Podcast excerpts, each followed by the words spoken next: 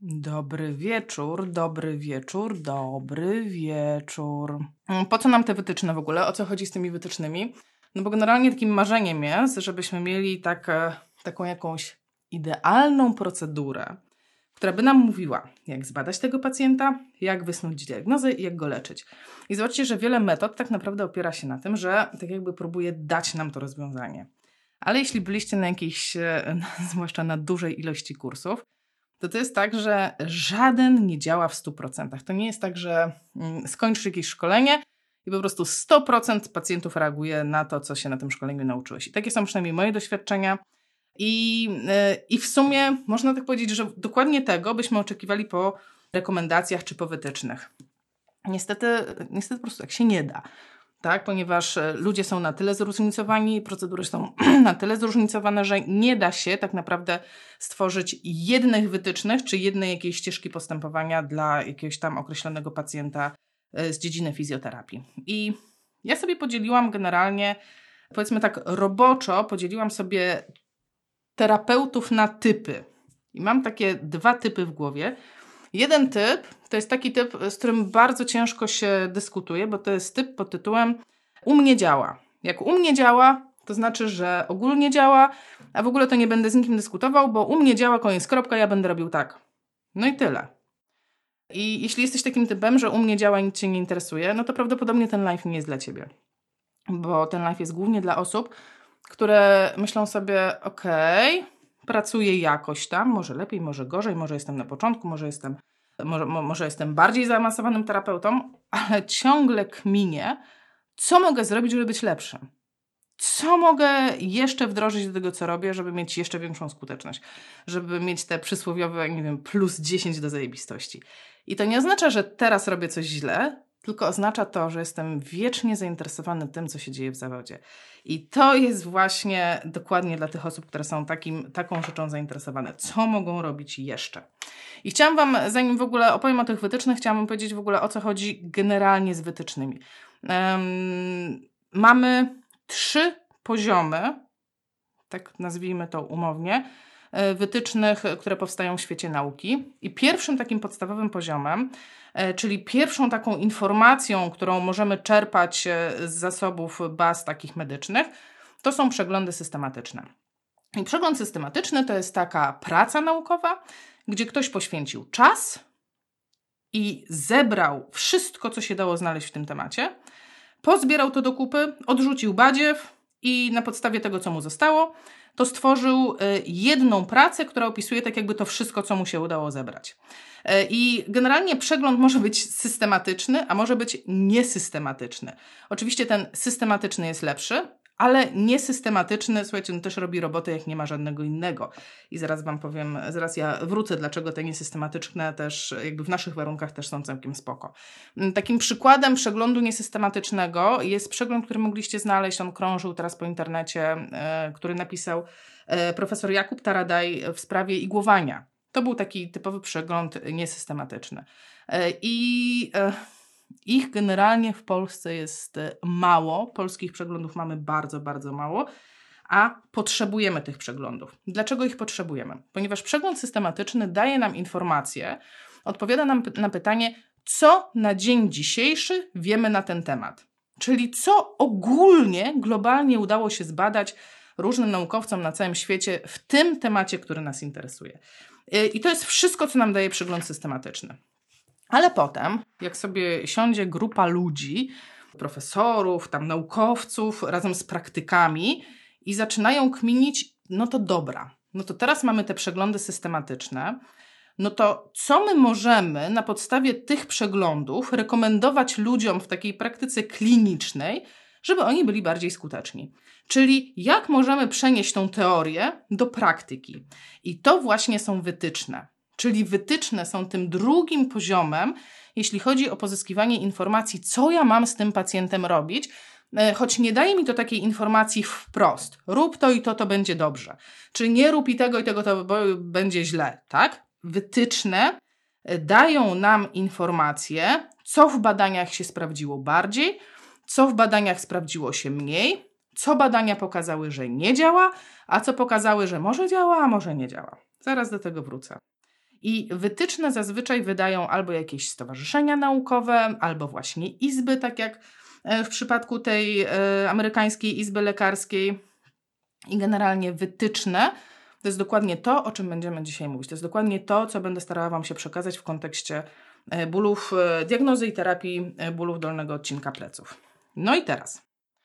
Wytyczne to nie koniec, bo jeżeli chcemy zaimplementować te wytyczne w ogóle w systemie ochrony zdrowia, czyli chcemy, żeby na podstawie wytycznych powstały jakieś procedury w ochronie zdrowia, no to znaczy, że musimy je tak jakby zaimplementować do tego systemu.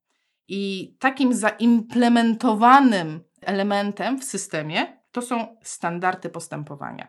Czyli na podstawie wytycznych powstały standardy postępowania, i już standard postępowania jest rzeczą usankcjonowaną przepisami. Czyli standard postępowania to jest coś, co na przykład y, minister obwieszcza w ramach rozporządzenia czy jakiegoś obwieszczenia, bo to już są takie procedury, takie ścieżki, którymi musimy podążać. I chcę Wam powiedzieć, że standardów postępowania nie mamy dużo ogólnie w medycynie. W fizjoterapii też nie mamy ich dużo, one są chyba w kardiologii, ale mm, no to w sumie jest dobrze, bo jeżeli mamy standard postępowania, to znaczy, że musimy obligatoryjnie poruszać się w jakiejś, nazwijmy to, klatce, no bo standard postępowania narzuca nam pewien algorytm postępowania.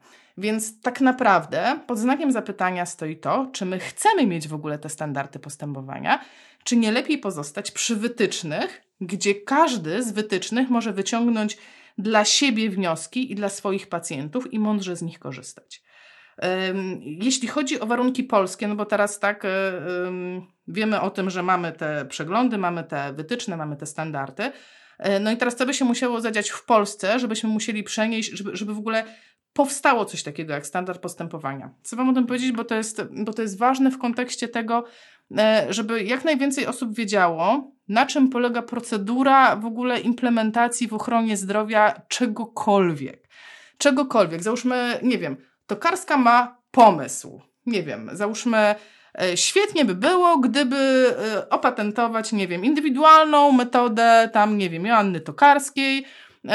Załóżmy, metoda X uzdrawia wszystkich no to najpierw tokarska musi zrobić sobie badania. Z tych badań muszą powstać przeglądy, przeglądy systematyczne. I te przeglądy muszą się przełożyć na te wytyczne, czyli ktoś to musiał już zbadać.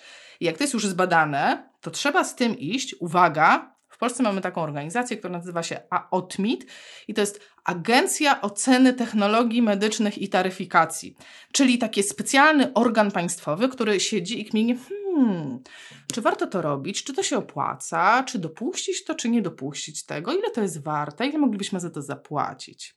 I wszystko spoko, tylko że w Outmicie niekoniecznie dane procedury dotyczące jakiegoś, nie wiem, zawodu, tak jak nas fizjoterapeutów, są oceniane przez fizjoterapeutów, a raczej jest tak, że no niestety nie są, są oceniane przez jakieś inne specjalności.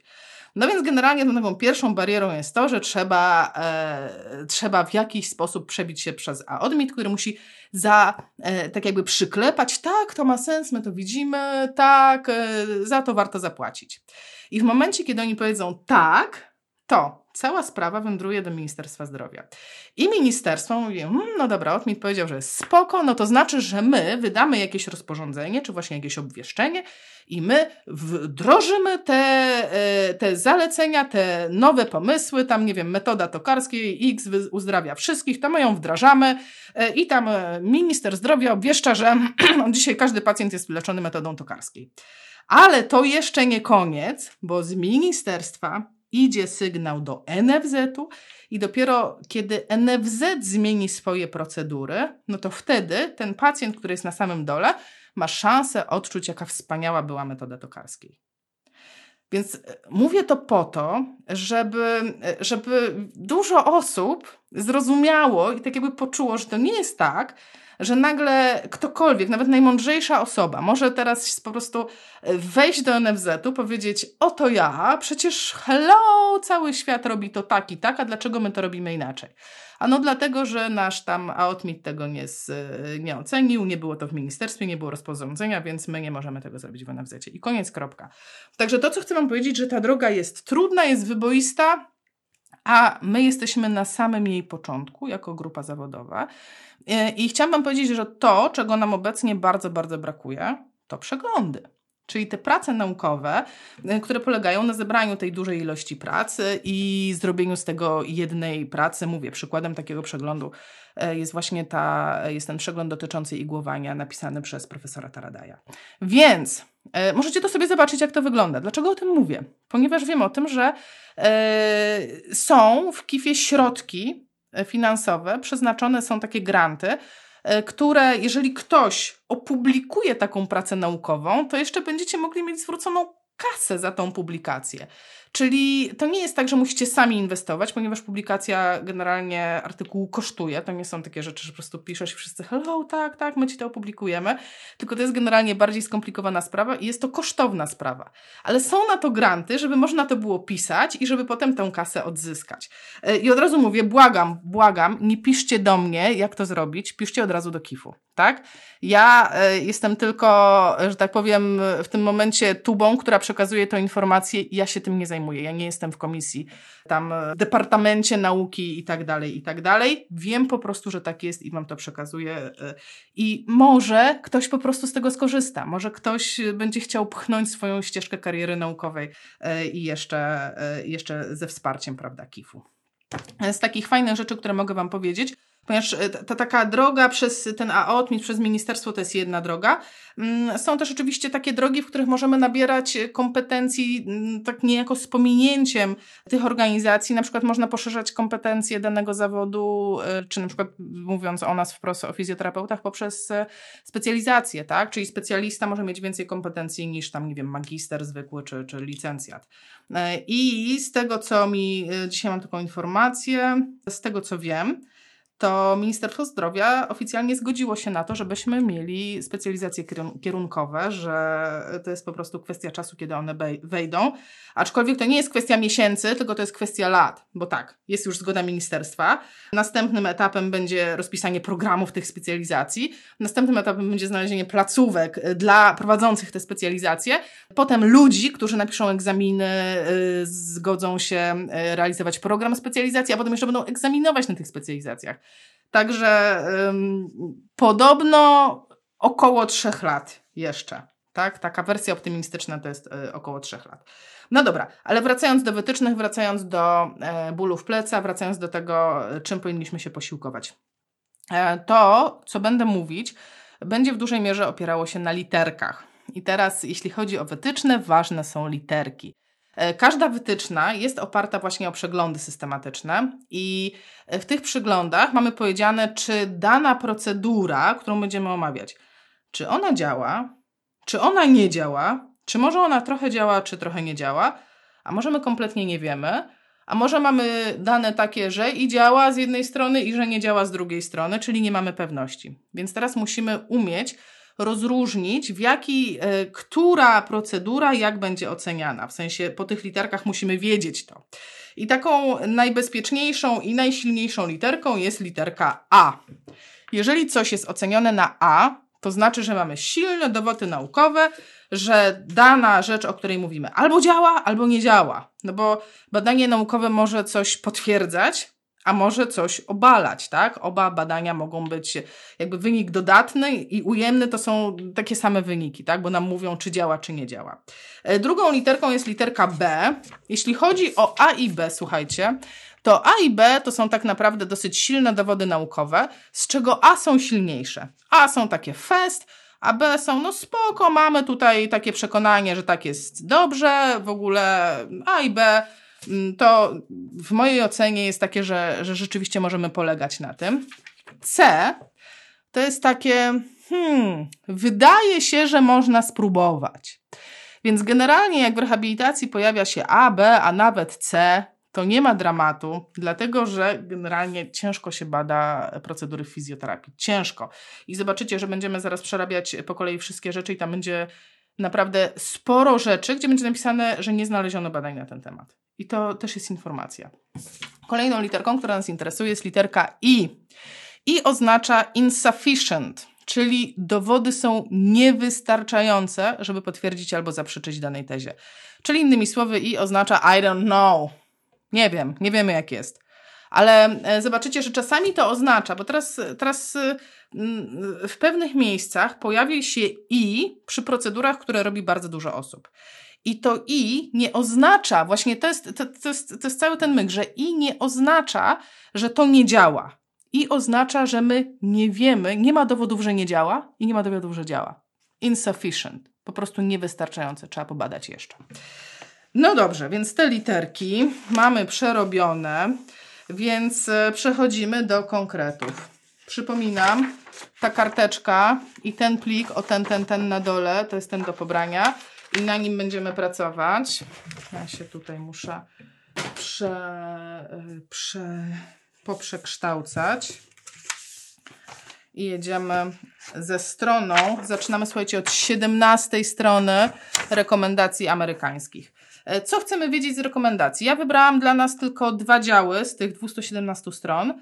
E, pierwszy dział to jest jak badać, co jest interesującego w badaniu e, pacjenta z bólami dolnego odcinka pleców. A drugi dział, który dla Was wybrałam, to jest dział potwierdzający bądź zaprzeczający, jeśli chodzi o skuteczność róż, przeróżnistych procedur fizjoterapeutycznych i przez te wszystkie procedury zaraz przejdziemy. E, no dobra, to jedziemy. Co sugerują Amerykanie? E, co, e, co, oni, co oni mówią w temacie badania? Jeśli chodzi o diagnozę, to pierwszym pytaniem, jakie, jakie, sugeruje jest, jakie sugerują do zadania, to jest sprawdzenie, czy można w badaniu określić, czy problem jest w ogóle strukturalny. Czyli jesteśmy, czyli czy jesteśmy przy pomocy badania określić strukturę, która może stanowić problem. I oni tutaj wypisują, czy to może są kości, czy to są dyski, czy to są stawy, y, czy to jest te, ten taki, y, y, oni to nazywają tylne elementy kręgosłupa, czy to jest staw krzyżowo-biodrowy, czy to jest czy to są mięśnie i ścięgna, czy może to jest centralna sensytyzacja. I to jest coś, co mi się mega podoba w tym badaniu, że tutaj ta centralna sensytyzacja już po prostu pokazuje się fest, i jest normalnym elementem e, oceny pacjenta. I jeśli chodzi o centralną sensytyzację, to jest film na ten temat na moim kanale. Nazywa się Fenomen centralnej sensytyzacji. Jeśli ktoś nie wie, czym jest centralna sensytyzacja, słuchajcie, to zajrzyjcie na ten film. On jest na YouTubie, na moim kanale. E, I w temacie centralnej sensytyzacji bardzo wartościowe też rzeczy są z materiału z Małgorzatą Starzec-Proserpio. I to jest materiał o wulwodynii ale to nie szkodzi, że on jest w Wodyni, ale tam była też mowa o centralnej sensytyzacji, także to Wam rekomenduję. Więc po pierwsze, co chcemy wiedzieć, to jaka, czy, to jest, czy to w ogóle jest struktura, czyli czy problem jest strukturalny, a jeżeli to jest struktura, to jaka? I tutaj wyróżnili takich kilka punktów e, i w każdym punkcie e, poziom rekomendacji jest I czyli nie mamy wystarczających dowodów. I zarówno nie mamy wystarczających dowodów na to, czy badanie stawów krzyżowo-biodrowych jest e, e, na tak, czy na nie, czy ono jest skuteczne, czy nie. E, nie mamy dowodów na stawy międzywyrostkowe, nie mamy dowodów na korelację bólu ze zmianami w badaniach obrazowych. Na to wszystko nie mamy dowodów co nie znaczy, że nie mamy prawa szukać e, jakby odpowiedzi na pytanie, co to jest za struktura i stawiać na tej podstawie jakichś hipotez. Pytanie numer dwa to jest e, pytanie, czy ten ból kręgosłupa ma charakter nawrotowy, czy nie. Czyli czy będzie wracał. No bo pierwsza rzecz chcę wiedzieć, co mu się stało, a druga rzecz, którą chcę wiedzieć, Jakie jest prawdopodobieństwo, że to jest pierwszy raz z wielu razów tego, tego pacjenta?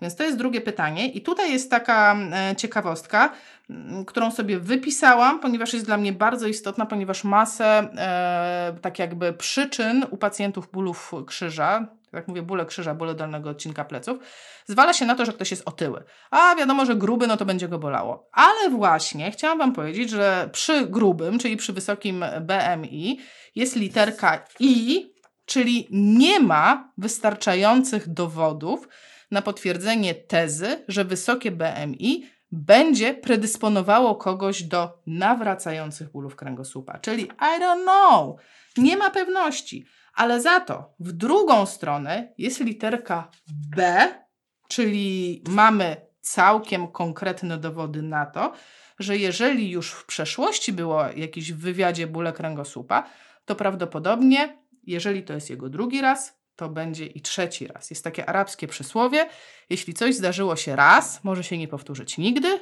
Jeśli zdarzyło się drugi raz, na pewno zdarzy się i trzeci. I e, dokładnie to podkreśla drugie pytanie i poziom rekomendacji 2. Potwierdzone naukowo. Jak miał kilka razy, to prawdopodobnie będzie miał i więcej. Pytanie numer 3, które stawiają sobie Amerykanie, to jest czy ten ból przejdzie w miesiąc. Jaka jest szansa na to, że ból zamknie się w przestrzeni miesiąca? O co chodzi? Chodzi generalnie o to, tutaj mamy tak naprawdę trzy pytania pod rząd i one, jeżeli ktoś ma tą kartkę przed sobą jednak, to pewnie już zdążył zauważyć, że pytania są numerowane 3, 6 i 9. Czyli zmienili kolejność po to, żeby wrzucić wszystkie pytania dotyczące przejścia bólu ostrego w ból przewlekły do jednego worka i znaleźć dowody naukowe na to, e, jakby co wpływa na to, tak? No bo teraz e, no już wiemy, że ten pacjent ma problem, e, oceniamy, jaki ma poziom prawdopodobieństwa, że to będzie jeden z wielu jego problemów. A teraz zastanowimy się, mm, ok, jaką on ma szansę, żeby przejść ból przewlekły, czyli przekroczyć te 4 tygodnie. Więc e, pierwsze, czy minie w miesiąc, czy będzie przewlekły? Mm, I trzeci problem, jeśli ma szansę być przewlekły, to czy powinniśmy włączyć też badanie psychologiczne do, do tego. I tutaj, słuchajcie, są bardzo fajne takie rekomendacje, bardzo fajne konkluzje i one wszystkie są z literką A e, i z literką A rekomenduje się włączenie przyczyn psychospołecznych, czyli tych czynników psychospołecznych, czyli y, jak ja się czuję, jaki ja mam stan psychiczny, w jakim ja, się, w jakim ja żyję społeczeństwie, jaką ja mam sytuację. Y, I psychosocjalnych, to wszystko jest z literką A, że y, w momencie, kiedy mamy negatywne, tak jakby mamy to obciążenie czynnikami psychospołecznymi czy psychosocjalnymi, to jest to e, znaczny mm, ten czynnik prognostyczny, tak? Czytam, bo muszę równocześnie i czytać, i tłumaczyć z angielskiego na polskie. Czyli rekomenduje się przyjęcie czynników psychosocjalnych i psychospołecznych, e, takich dotyczących miejsca pracy, e, jako skojarzone z tym z większym prawdopodobieństwem przejścia tej fazy e, ostrej w fazę przewlekłą. Czyli innymi słowy, jeśli komuś jest źle w życiu, ma kiepską pracę, złą sytuację, jest w kiepskim stanie psychicznym, może ma depresję, może ma obniżony nastrój, to to jest A, jeśli chodzi o predyspozycję do przejścia w stan przewlekły bólu. I to jest coś, co Amerykanie, no zobaczcie, to jest tak naprawdę trzecie pytanie we wszystkich pytaniach diagnostycznych.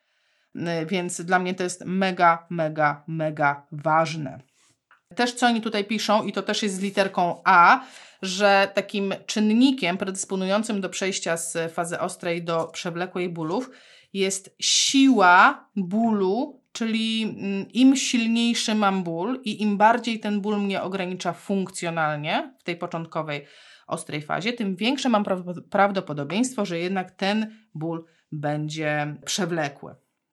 Więc to mamy te czynniki psychospołeczne, mamy ten czynnik e, dużego bólu i dużego ograniczenia funkcji i takim kolejnym czynnikiem już w stopniu B, czyli też silny, ale nie aż tak bardzo, jest fakt, czy miał wcześniej już jakieś dolegliwości, czy to jest kolejny incydent. Jest, jeśli jest to kolejny incydent, no to znowu wzrasta nam ryzyko, że ten pacjent zamieni się w, z pacjenta ostrego w pacjenta przewlekłego. Dla odmiany mamy niewystarczające dowody co do wpływu jakości snu, wpływu palenia papierosów i wpływu otyłości na przejście ostrego w przewlekły. Także tych czynników, no, I don't know, może tak, może nie, nie wiemy. Tak, więc to nie jest tak, że jak mamy i, to znaczy, że musimy, to, to nie wiem, to niech on pali, tak? Badania pokazały, że, że w sumie nie wiemy, no może palić, może nie palić. No, no nie, no postępujemy zgodnie ze swoją najlepszą wiedzą.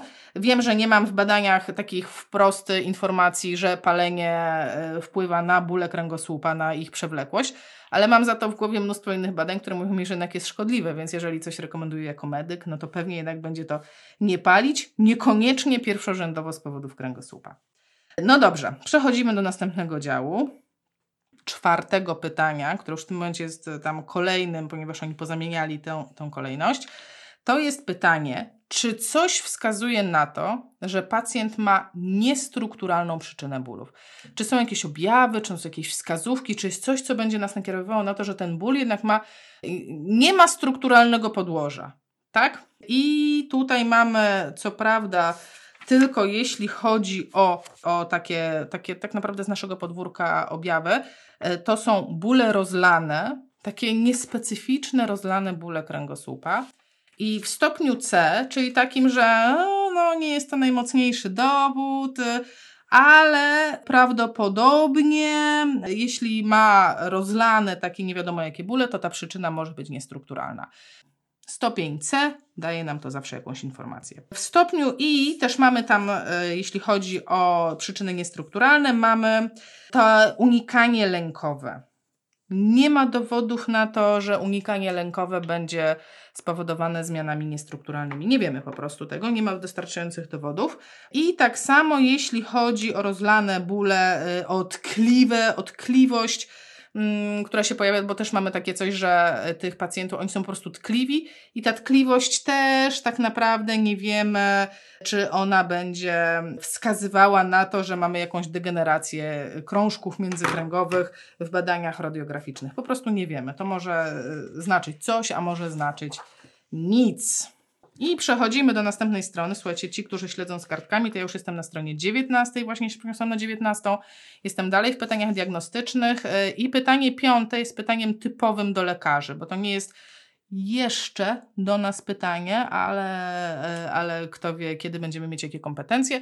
Pytanie polega, czy coś wskazuje na to, że przydałyby się badania laboratoryjne. Czyli czy coś wskazuje na to, że powinnam skierować tego pacjenta na badania i poszukać jakichś czynników, nie wiem, e, stanu zapalnego i tak dalej. Tak jak mówię, na razie to nie jest, e, na razie nas to nie tyczy, daj Boże, żeby kiedyś tyczyło. Ja jestem za poszerzeniem kompetencji. Następne pytanie, i to jest ciekawa sytuacja, bo to jest pytanie siódme i ósme.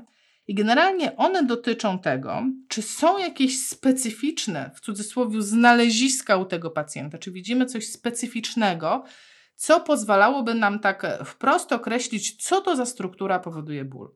Czyli czy mamy jakieś, nie wiem, testy, y, czy mamy jakieś objawy, tak? No bo mogę z objawów y, oceniać, co mu się dzieje, mogę z testów, tak? I wiele metod tak naprawdę uczy nas tego, żeby rozróżniać, co to za struktura spowodowała te objawy. Ale chcę Wam powiedzieć, że jeśli chodzi o przeglądy systematyczne, to tu jest napisane, że nie ma badań w tym temacie. I tak naprawdę to, że ich nie ma, to oznacza, znaczy ja nie wiem z całą pewnością, co to oznacza, ale tak przypuszczam, że oznacza to tyle, że to byłoby bardzo trudne do zbadania. No bo wyobraźcie sobie w ten sposób, jak znaleźć teraz grupę pacjentów, którzy będą przebadani, dajmy na to przez grupę terapeutów, w poszukiwaniu odpowiedzi, co to za struktura powoduje ból. I na przykład tam, nie wiem, 10 terapeutów manualnych bada, mówi, nie wiem, stawy międzywyrostkowe.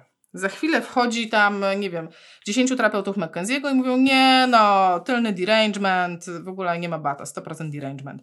A potem na to wchodzi, nie wiem, e, terapeuta powięziowy i mówi, nie, nie, to jest powięź, tutaj są restrykcje i w ogóle luz.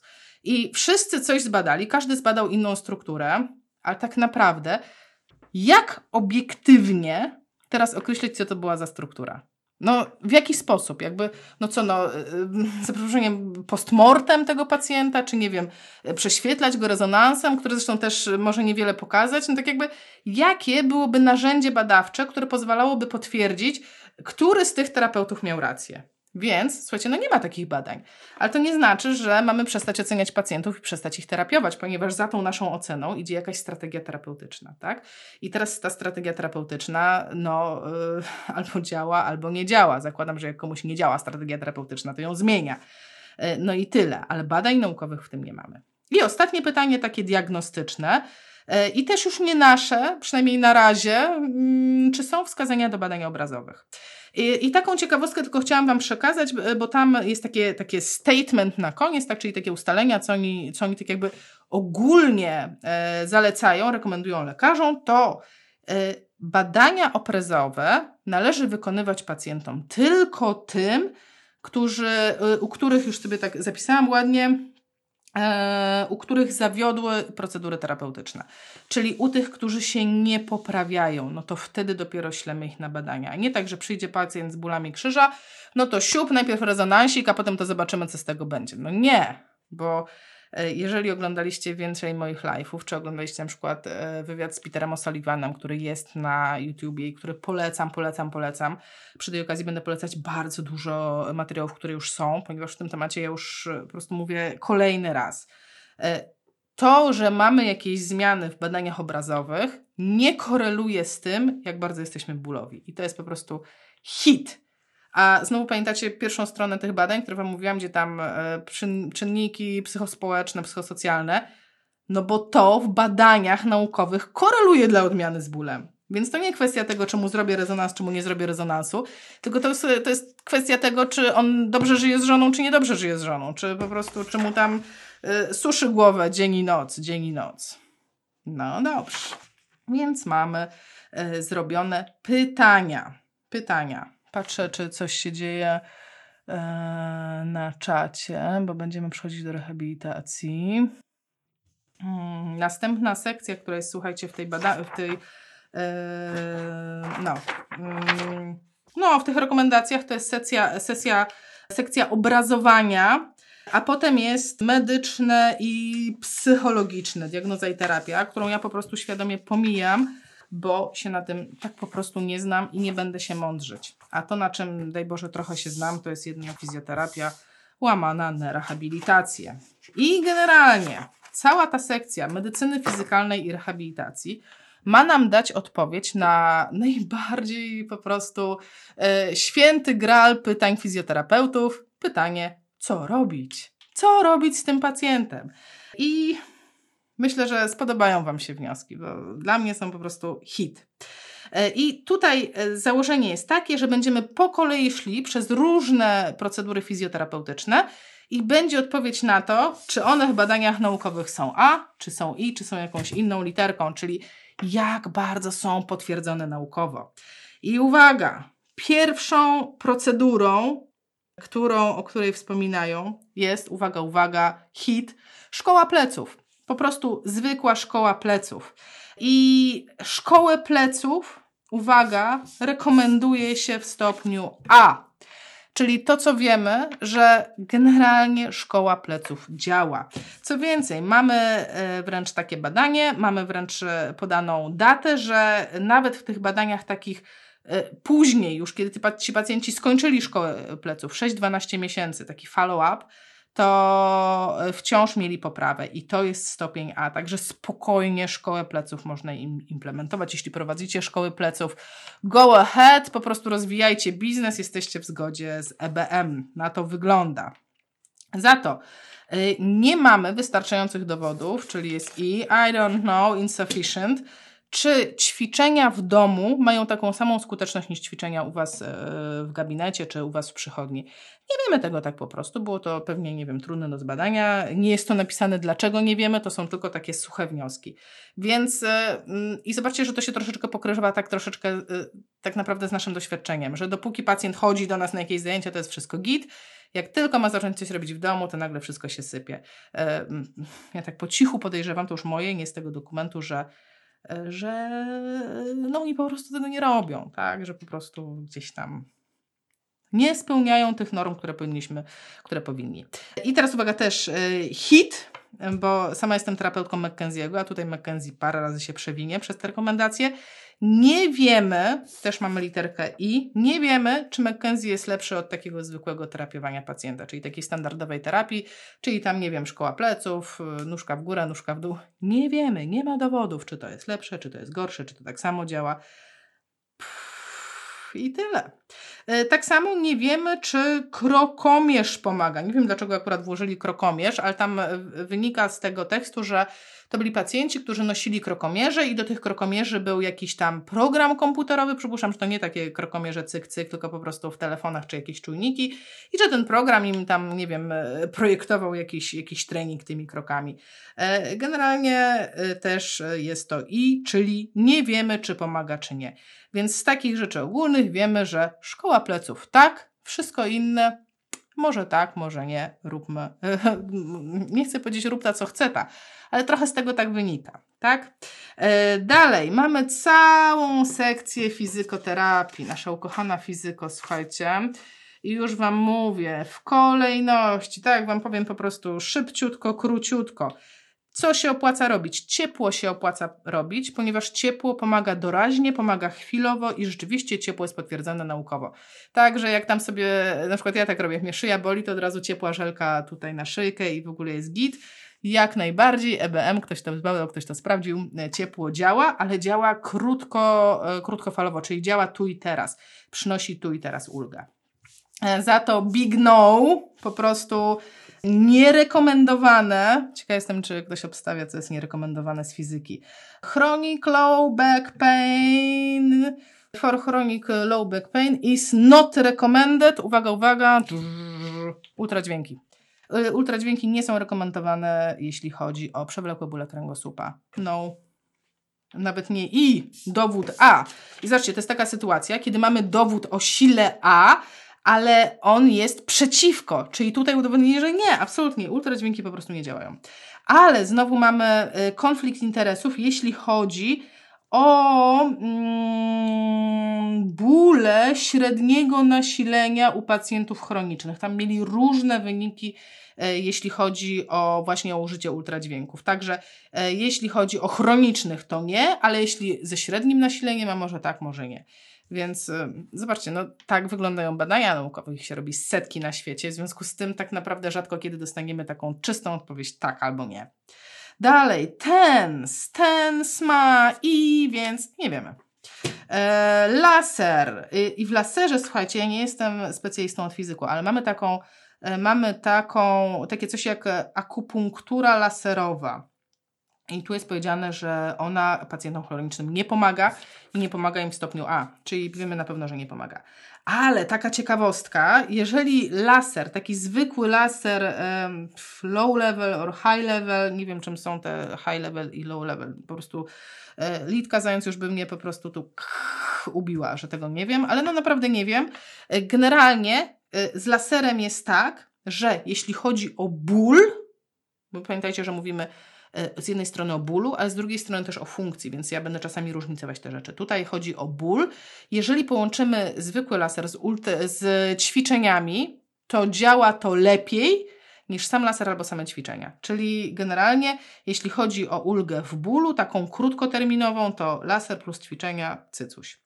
E, dalej mam, a, ale jeśli chodzi właśnie o funkcję, to już nie ma takiego przełożenia.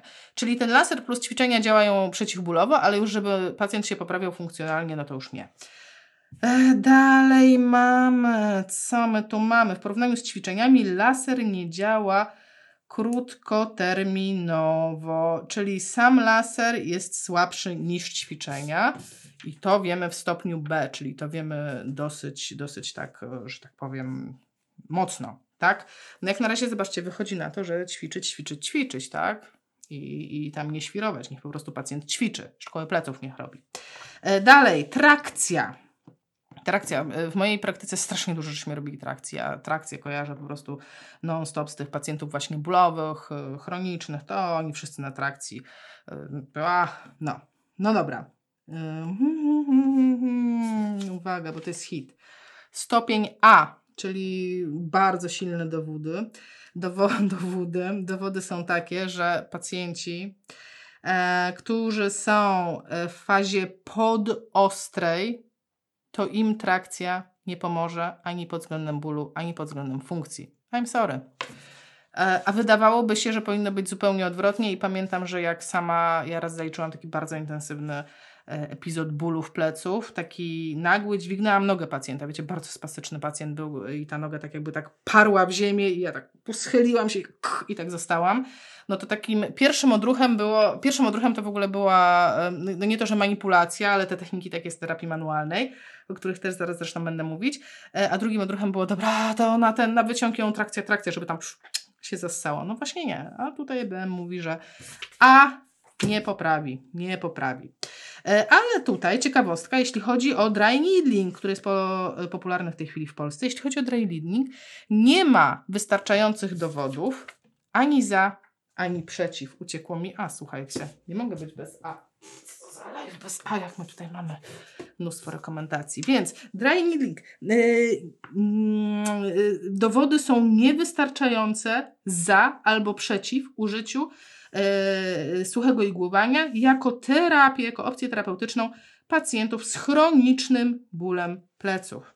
Czyli jeśli chodzi o chroników, to po prostu nie wiemy, nie ma dowodów ani za, ani przeciw. To chciałam powiedzieć też tak jasno, bo gdzieś yy, jakby można, można to i zinterpretować w taki sposób, że ono oznacza, że nie, nie wolno robić dry Nie, to oznacza, że my nie wiemy na ten moment jeszcze, jak to działa. E, dobra, elektrostymulacja nie jest potwierdzona żadnymi badaniami naukowymi, po prostu nie zbadano tego, więc nie wiemy, czy tak, czy nie, ale po prostu nie zbadano. E, za to, co zbadano, to akupunkturę. I zobaczcie, że rozdzielili akupunkturę od dry To są dwie oddzielne e, procedury dla nich. No i zresztą, no chyba słusznie, tak? Chyba dla nas tak mi się wydaje, że też. Jeśli chodzi o generalnie o akupunkturę, to mamy stopień I czyli tak naprawdę to nie wiadomo, czy to pomoże, czy nie pomoże. Ale jeśli chodzi o pacjentów chronicznych, to już mamy A, i uwaga, warto to dodać. Jako dodatkowa forma terapii akupunktura jest e, może tak, jest e, rekomendowana jako, e, jako, jako, jako sposób na taką krótkoterminową poprawę. E, I mamy jeszcze ogólnie opinię o akupunkturze i ogólnie tam jest, jeśli chodzi e, o akupunkturę, że jest i, czyli trudno powiedzieć, ogólnie trudno powiedzieć, czy ona pomoże, czy ona nie pomoże. Więc to i zobaczcie, ono nam nie daje odpowiedzi na to, czy coś jest dobre, czy coś jest złe. I nam tylko mówi, że I don't know, nie wiemy. Dobrze, i teraz przechodzimy do tego, co wiele osób bardzo, bardzo lubi Jezu, jak się podekscytowałam. Um, teraz będziemy mówić o manipulacjach. Mnóstwo ludzi robi manipulacje.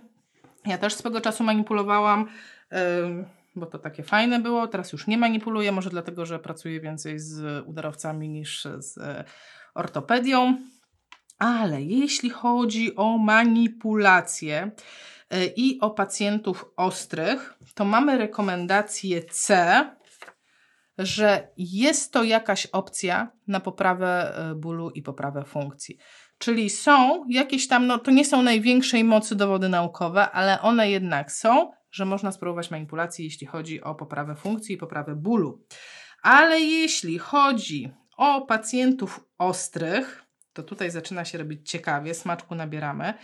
Yy, wiemy to z pewnością A, czyli z bardzo silną pewnością, że tak naprawdę to nie ma za bardzo różnicy pomiędzy tym, czy on będzie manipulowany, czy pomiędzy tym, że będzie miał inne, takie w cudzysłowie, standardowe formy postępowania. Czyli jak manipulujesz, spoko, jak nie manipulujesz, też jest spoko. Zobaczcie, że EBM nie narzuca wam tego, co musicie robić. EBM, EBM wam daje tylko poszerza spektrum widzenia. I teraz y, osoby, które, które manipulują, sobie, dobra, spoko, no na pewno no badania pokazują, że y, no, mam porównywalną skuteczność, a wręcz jest rekomendacja C, że jest to opcja, spoko. A ci, którzy tego nie robią, myślą, że spoko, nawet nie manipulując, mogą być super terapeutą, ponieważ tak pokazują badania naukowe, tak? Ja mam też takie doświadczenie. Więc to jest właśnie to piękno i ta, i ta, i ta droga dla nas, ten sposób na korzystanie z badań naukowych. Dobra, idziemy dalej, bo Jezu, Aśka, szybciej. Dobra. jeśli chodzi o pacjentów chronicznych, nie było różnicy pomiędzy manipulacjami a e, zwykłym, zwykłą terapią albo jakimiś tam, jakimiś tam zwykłymi oddziaływaniami. Czyli nie wiemy. Nie wiemy, czy u chroników to działa lepiej, czy nie.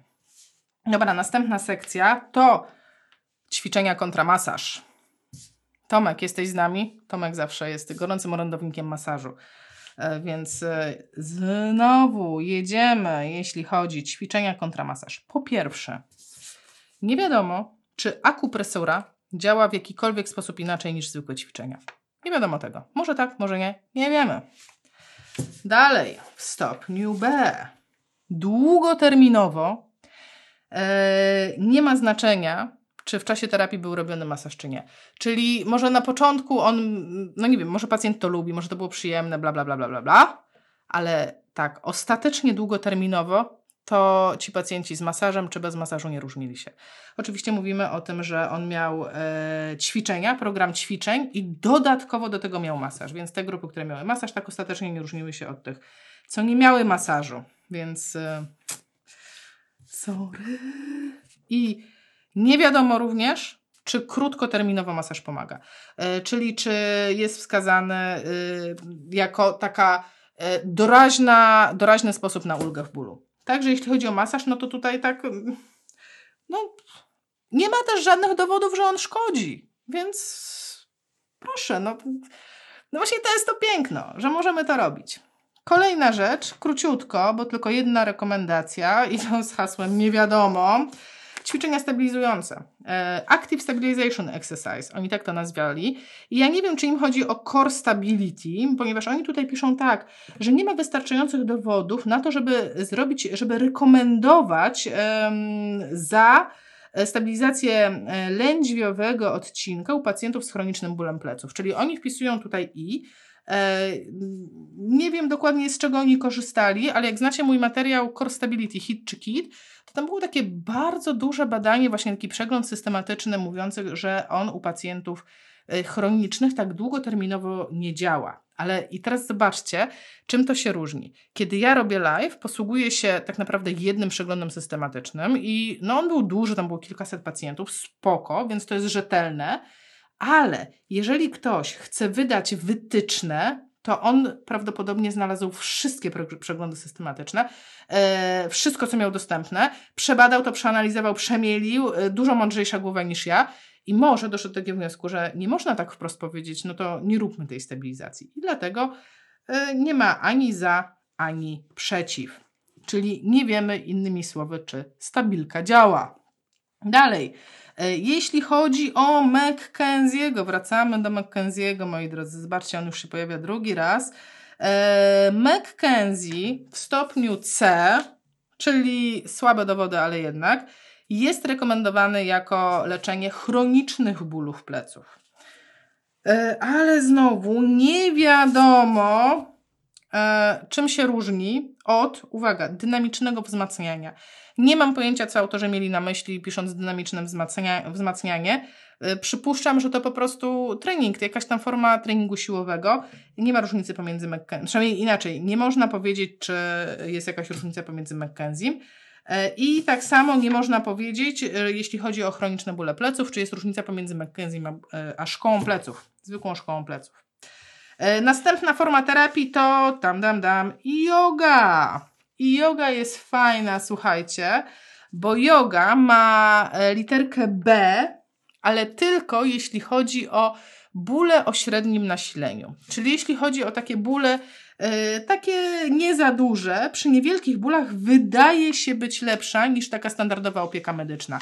E, czyli warto ćwiczyć jogę, jeśli bóle po prostu nie powalają na kolana. To, co jest polecane w stopniu A za to, widać, że jest silniejsze niż wszystko inne, to krótkoterminowo trening aerobowy. E, e, oni nazywają aerobic exercise, więc wydaje mi się, że chodzi o ćwiczenia aerobowe, takie nasze cardio troszeczkę, e, więc krótkoterminowo na pewno pomaga, a długoterminowo nie wiemy. Może tak, może ma nie, nie ma wystarczających dowodów na, e, naukowych. E, następna sekcja jest, słuchajcie, już ostatnia, jeśli chodzi o formy terapii. E, to jest coś, co oni nazwali work hardening or conditioning. I problem jest taki, słuchajcie, że ja nie mam pojęcia, czym jest work hardening. Nie wiem, jeśli wiecie, co to jest work hardening, czyli tak jakby ja to przetłumaczyłam tak, że mm, jest to tak jakby wzmacnianie poprzez pracę. E, czyli wykorzystywanie tych aktywności, które pacjent ma w pracy, do tak jakby wzmacniania go, żeby szybciej do tej pracy mógł wrócić i żeby lepiej sobie w tej pracy poradził. Tak mi się wydaje, mówię od razu wprost, że pierwszy raz spotkałam się z tym, e, z tym określeniem e, i po prostu nie mam stuprocentowej pewności. To jest tak, że u pacjentów, którzy mają te dolnego odcinka pleców, to oni powiedzieli, że w stopniu C te ćwiczenia będą im pomagały wrócić do pracy. Więc jeżeli przyjmiemy założenie, że to work hardening to jest właśnie wykonywanie ćwiczeń, które są podobne do tych ćwiczeń, które będzie, w sensie do tych aktywności, które będzie robił w pracy, no to to by się wszystko zgadzało. Jeśli to przećwiczył, no to łatwiej mu będzie wrócić do pracy. E, I tutaj mamy zrobione już wszystkie tak naprawdę aktywności, wszystkie to, co było w rekomendacjach, jeśli chodzi o działania fizykalne. E, I następne pytanie, na jakie starają sobie autorzy odpowiedzieć, E, to jest pytanie, no dobra, to już wiemy mniej więcej, co robić, co nie robić, co się sprawdza, co się nie sprawdza, to teraz jak często to robić, jak długo to robić, ile powinny trwać te sesje, ile powinny trwać, nie wiem, tygodni, miesięcy czy minut, jaka częstotliwość tego powinna być. E, I tutaj muszę Wam niestety powiedzieć, że generalnie większość odpowiedzi, tak jak teraz tak szybciutko patrzę, e, to jest i albo nie ma badań. Więc jeśli chodzi o całą edukację pacjenta, o całą fizykoterapię, to jedna duża y, odpowiedź jest, że nie ma dostępnej literatury naukowej na ten temat, czyli po prostu nie wiemy. E, nie ma przeglądów systematycznych e, na ten temat, adekwatnych do tego pytania. Czyli nie wiemy, czy fizyko, ile fizyko stosować, nie wiemy, ile akupunkturę stosować, e, ile stosować pasy. Pominęłam pasy, słuchajcie, a tu jest jeszcze pasy. I tutaj, jeśli chodzi o podostrych pacjentów, to pasy lędźwiowe, no nie wiemy, może tak, może nie. Nie ma dowodów ani za, ani przeciw. Więc e, tak samo nie wiemy, ile je stosować, i tak samo nie wiemy, ile stosować akupunktury, i nie wiemy, ile stosować e, całą fizykoterapię i edukację. E, tak samo nie wiemy, czy są jakieś różnice, jeśli chodzi o stosowanie manipulacji pomiędzy pacjentami, którzy chodzą tylko kilka tygodni, a tymi, co chodzą załóżmy 12 czy nawet 18 tygodni. Nie, ma, nie wiemy, czy są jakieś różnice. Nie ma odpowiedzi na to, czy y, aktywna stabilizacja, czy McKenzie, y, czy, czy, czy generalnie terapia, ćwiczenia plus masaż czy generalnie te yoga, aerobik, ten work hardening, czyli ja to wszystko wrzuciłam do worka ćwiczenia różnego typu, też nie mamy odpowiedzi, e, no to ile tego robić. Nie wiemy. Po prostu nie, ma, nie mamy tego zbadanego i tyle. E, kolejne pytanie, które padło, no bo to już jakby przechodzimy dalej, przechodzimy już takich bardziej specyficznych problemów e, z tymi dolnym odcinkiem. E, czy są jakieś cechy u pacjentów, które sugerowałyby lepszą reakcję na manipulację? Czyli czy patrząc na pacjenta, oceniając pacjenta, badając pacjenta, czy możemy znaleźć, czy u niego jakieś cechy, czy jakieś symptomy w badaniu, które sugerowały nam, tak, ty jesteś pacjentem do manipulacji. I niestety, yy, sorry, nie wiemy. Ani nie wiadomo, co wpływa na odpowiedź na manipulację, ani nie wiadomo, czy objawy występujące w badaniu e, predysponują do odpowiedzi na jak, jakąś formę manipulacji. No niestety. Mm, dalsze pytanie, czy powinniśmy włączyć psychoterapię, czy włączenie e, terapii poznawczo-behawioralnej będzie miało wpływ na lepszy powrót pacjenta do zdrowia? Nie wiemy. Kolejne pytanie. E, a, to jest dobre. Akurat jedyne, które jest na B w tej sekcji. Hmm, hmm, hmm. Generalnie pytanie brzmi, to co z nimi robić? Stabilka czy ćwiczenia ogólne? Na piłeczkę czy nóżka w górę, nóżka w dół i wszystko naraz? W stopniu B jeden pies. To to samo. Taka sama skuteczność. Można stabilizować, można nie stabilizować. Ja na przykład jestem e, team nie stabilizować. Mam nawet taki film na YouTubie, dlaczego nie robię brzuszków i moi pacjenci też nie. Więc, ale zobaczcie, no, jak ktoś chce, to niech stabilizuje, tak? Nie ma problemu. E, dalej. Choć w moim materiale o stabilizacji będzie inaczej, no ale tak jak mówię, jestem team nie stabilizować. E, dobrze, i tak samo, jeśli chodzi o manipulacje i ćwiczenia, to manipulować z go, czy z nim ćwiczyć. E, inaczej, mm, czy tylko manipulować, czy manipulować i jeszcze ćwiczyć. I bardzo mi przykro, ale w stopniu B bez znaczenia. Jeden pies. Czy manipulujesz, czy manipulujesz i ćwiczysz. Taka sama efektywność. E, dobrze. A, ale to jest ciekawe i to jest ważne, bo kolejne pytanie było, to co mu w takim razie zalecić? Ma zostać w łóżku i odpoczywać? Czy ma się ruszać do granicy bólu? I tutaj mamy przy ostrych bólach, e, przy mm, tym ostrym okresie bólów pleców, to jednak e, lepsze wyniki funkcjonalne mieli ci, którzy ćwiczyli, którzy pozostawali. E, mm, sugeruje się, że u pacjentów, którzy są z ostrym bólem kręgosłupa, to ci, którzy ćwiczą do e, jakby granicy bólu, to u nich będzie lepiej następowało to e, powrót do zdrowia. I to jest w stopniu B, czyli trzeba się ruszać. Mm, I w stopniu B wiemy też, że jeżeli nawet pacjent nie jest w stanie się ruszać, czyli 3 do 7 dni będzie tak okresowo sobie polegiwał w łóżku, odpoczywał, to też nie wpłynie to negatywnie na, jakby on będzie się leczył tak samo, może nie tak samo jak ci, co się ruszają, ale generalnie nie wpłynie to na niego negatywnie. I taki y, duży konsensus w ogóle tej sekcji jest taki, że generalnie lepiej rekomendować pacjentom, żeby się ruszali w tym okrym, ostrym okresie do granicy bólu, niż żeby pozostawali w łóżku. I to jest, to jest dosyć ważne, ponieważ no, taka tradycyjna szkoła, jeszcze przynajmniej mnie tak uczono, e, to jest e, pozycja krzesełkowa i leżeć w łóżku. I ja, jak miałam swój epizod bólów, to yy, tak jak teraz patrzę, no to myślę, że właśnie przeleżałam te 3-7 dni. Może nie ciurkiem, ale dużo leżałam, ale potem zaczęłam się ruszać. A potem poszłam do pracy i miałam work hardening w pracy, bo trzeba było w jakiś sposób ogarnąć się w pracy. No dobrze, i jeszcze dwie takie sekcje, które pokazują nam generalnie, że nie ma badań na ten temat.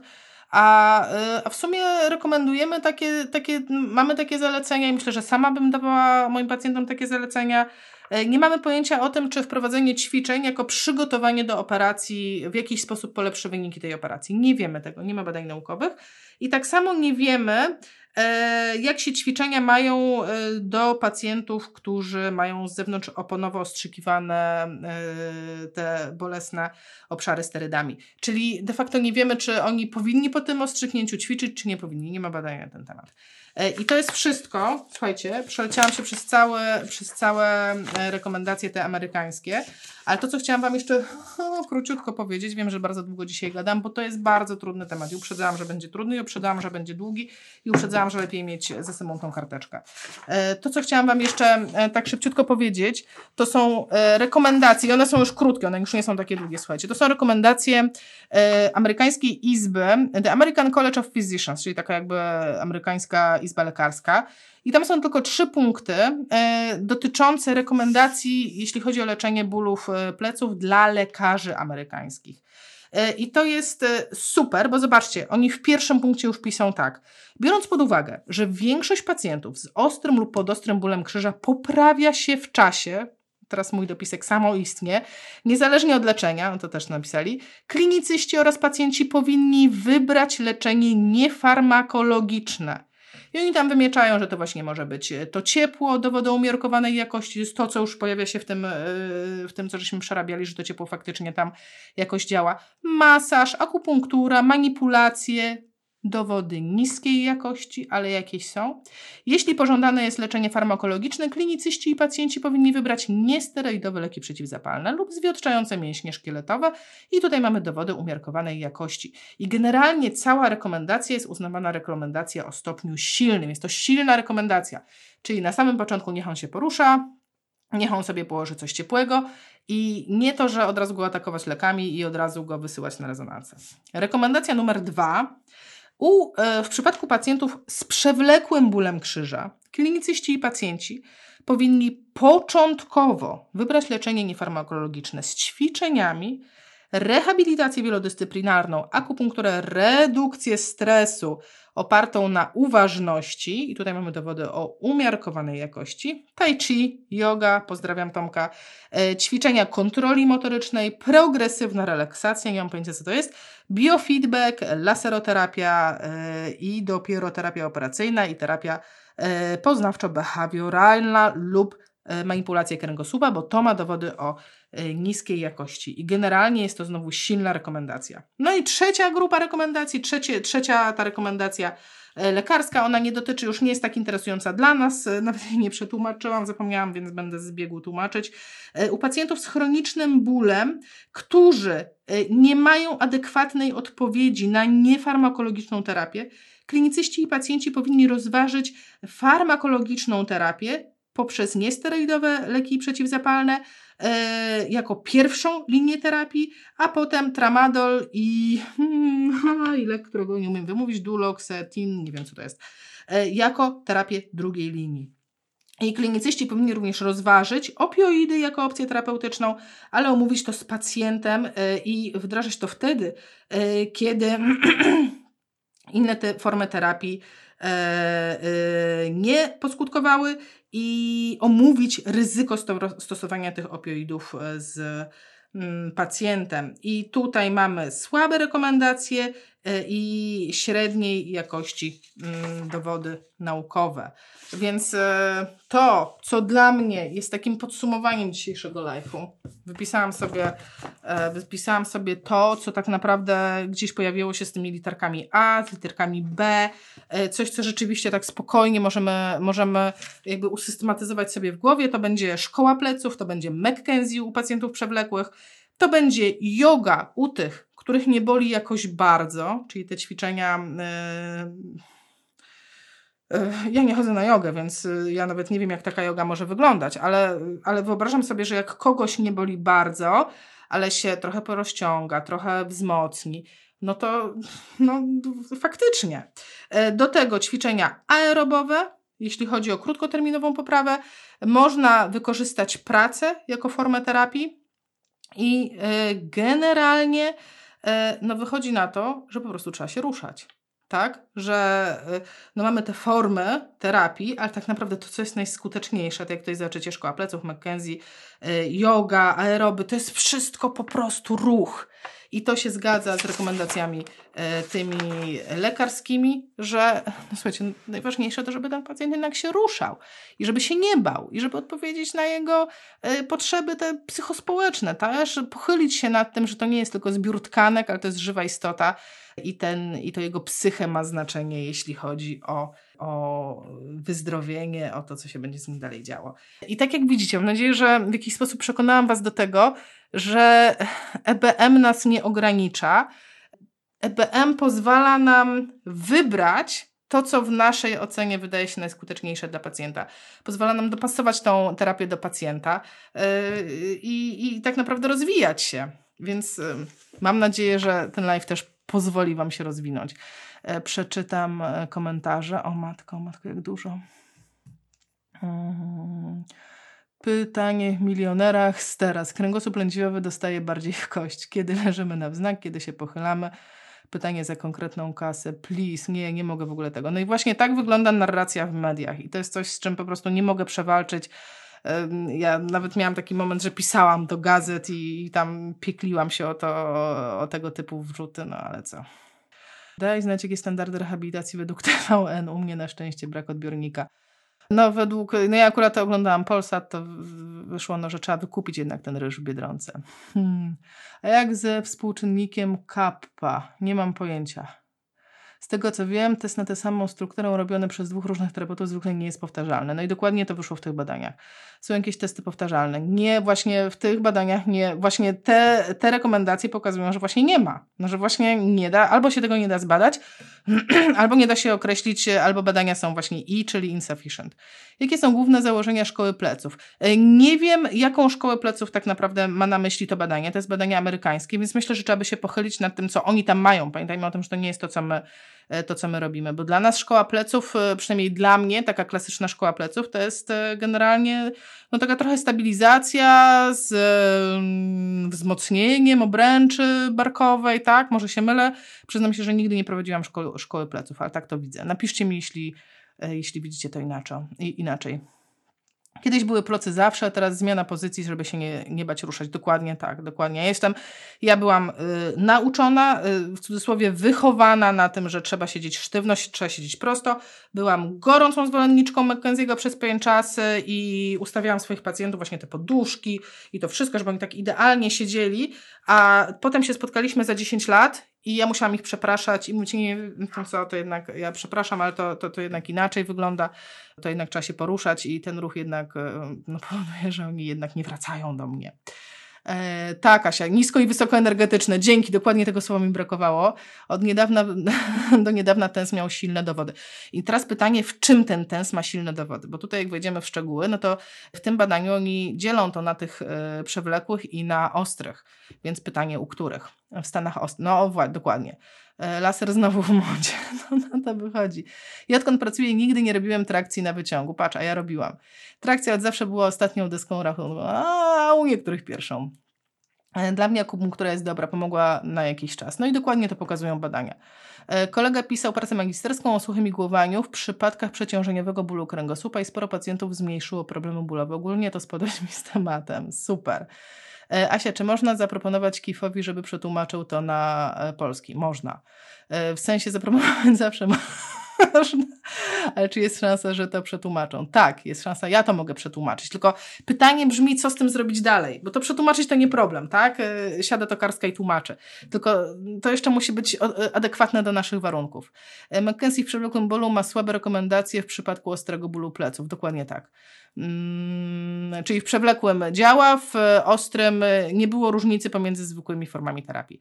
Ojciec mi opowiadał, że na przełomie lat 70., 80. zamknięto na trzy miesiące kilku tuzów terapii manualnej w jednym ośrodku, Lewitianda, Kaltenborn i kilku innych, żeby ocenili, która metoda jest lepsza, bardziej skuteczna, powtarzalna i wiesz co, wyszło nic.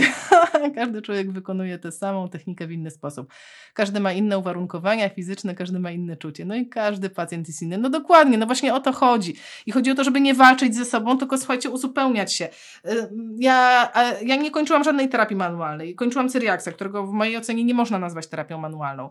E, ale tak, manipulowałam na długich dźwigniach. E, nie umiem robić tych wszystkich drobnych mobilizacji, ale jak coś mi potrzeba i idę po pomoc do koleżanki czy kolegi, oni mi pokażą coś, co mi pomaga, to mi to pomaga i ja to robię. Więc to nie jest tak, że e, coś działa albo nie działa. Hmm, czy będzie dostępne nagranie? Tak. Skąd można ściągnąć te rekomendacje? Z grupy fizjopozytywnej są podlinkowane, ta cała kartka. E, o, ta kartka jest do wydruku na grupie fizjopozytywnych. Jest w plikach grupowych.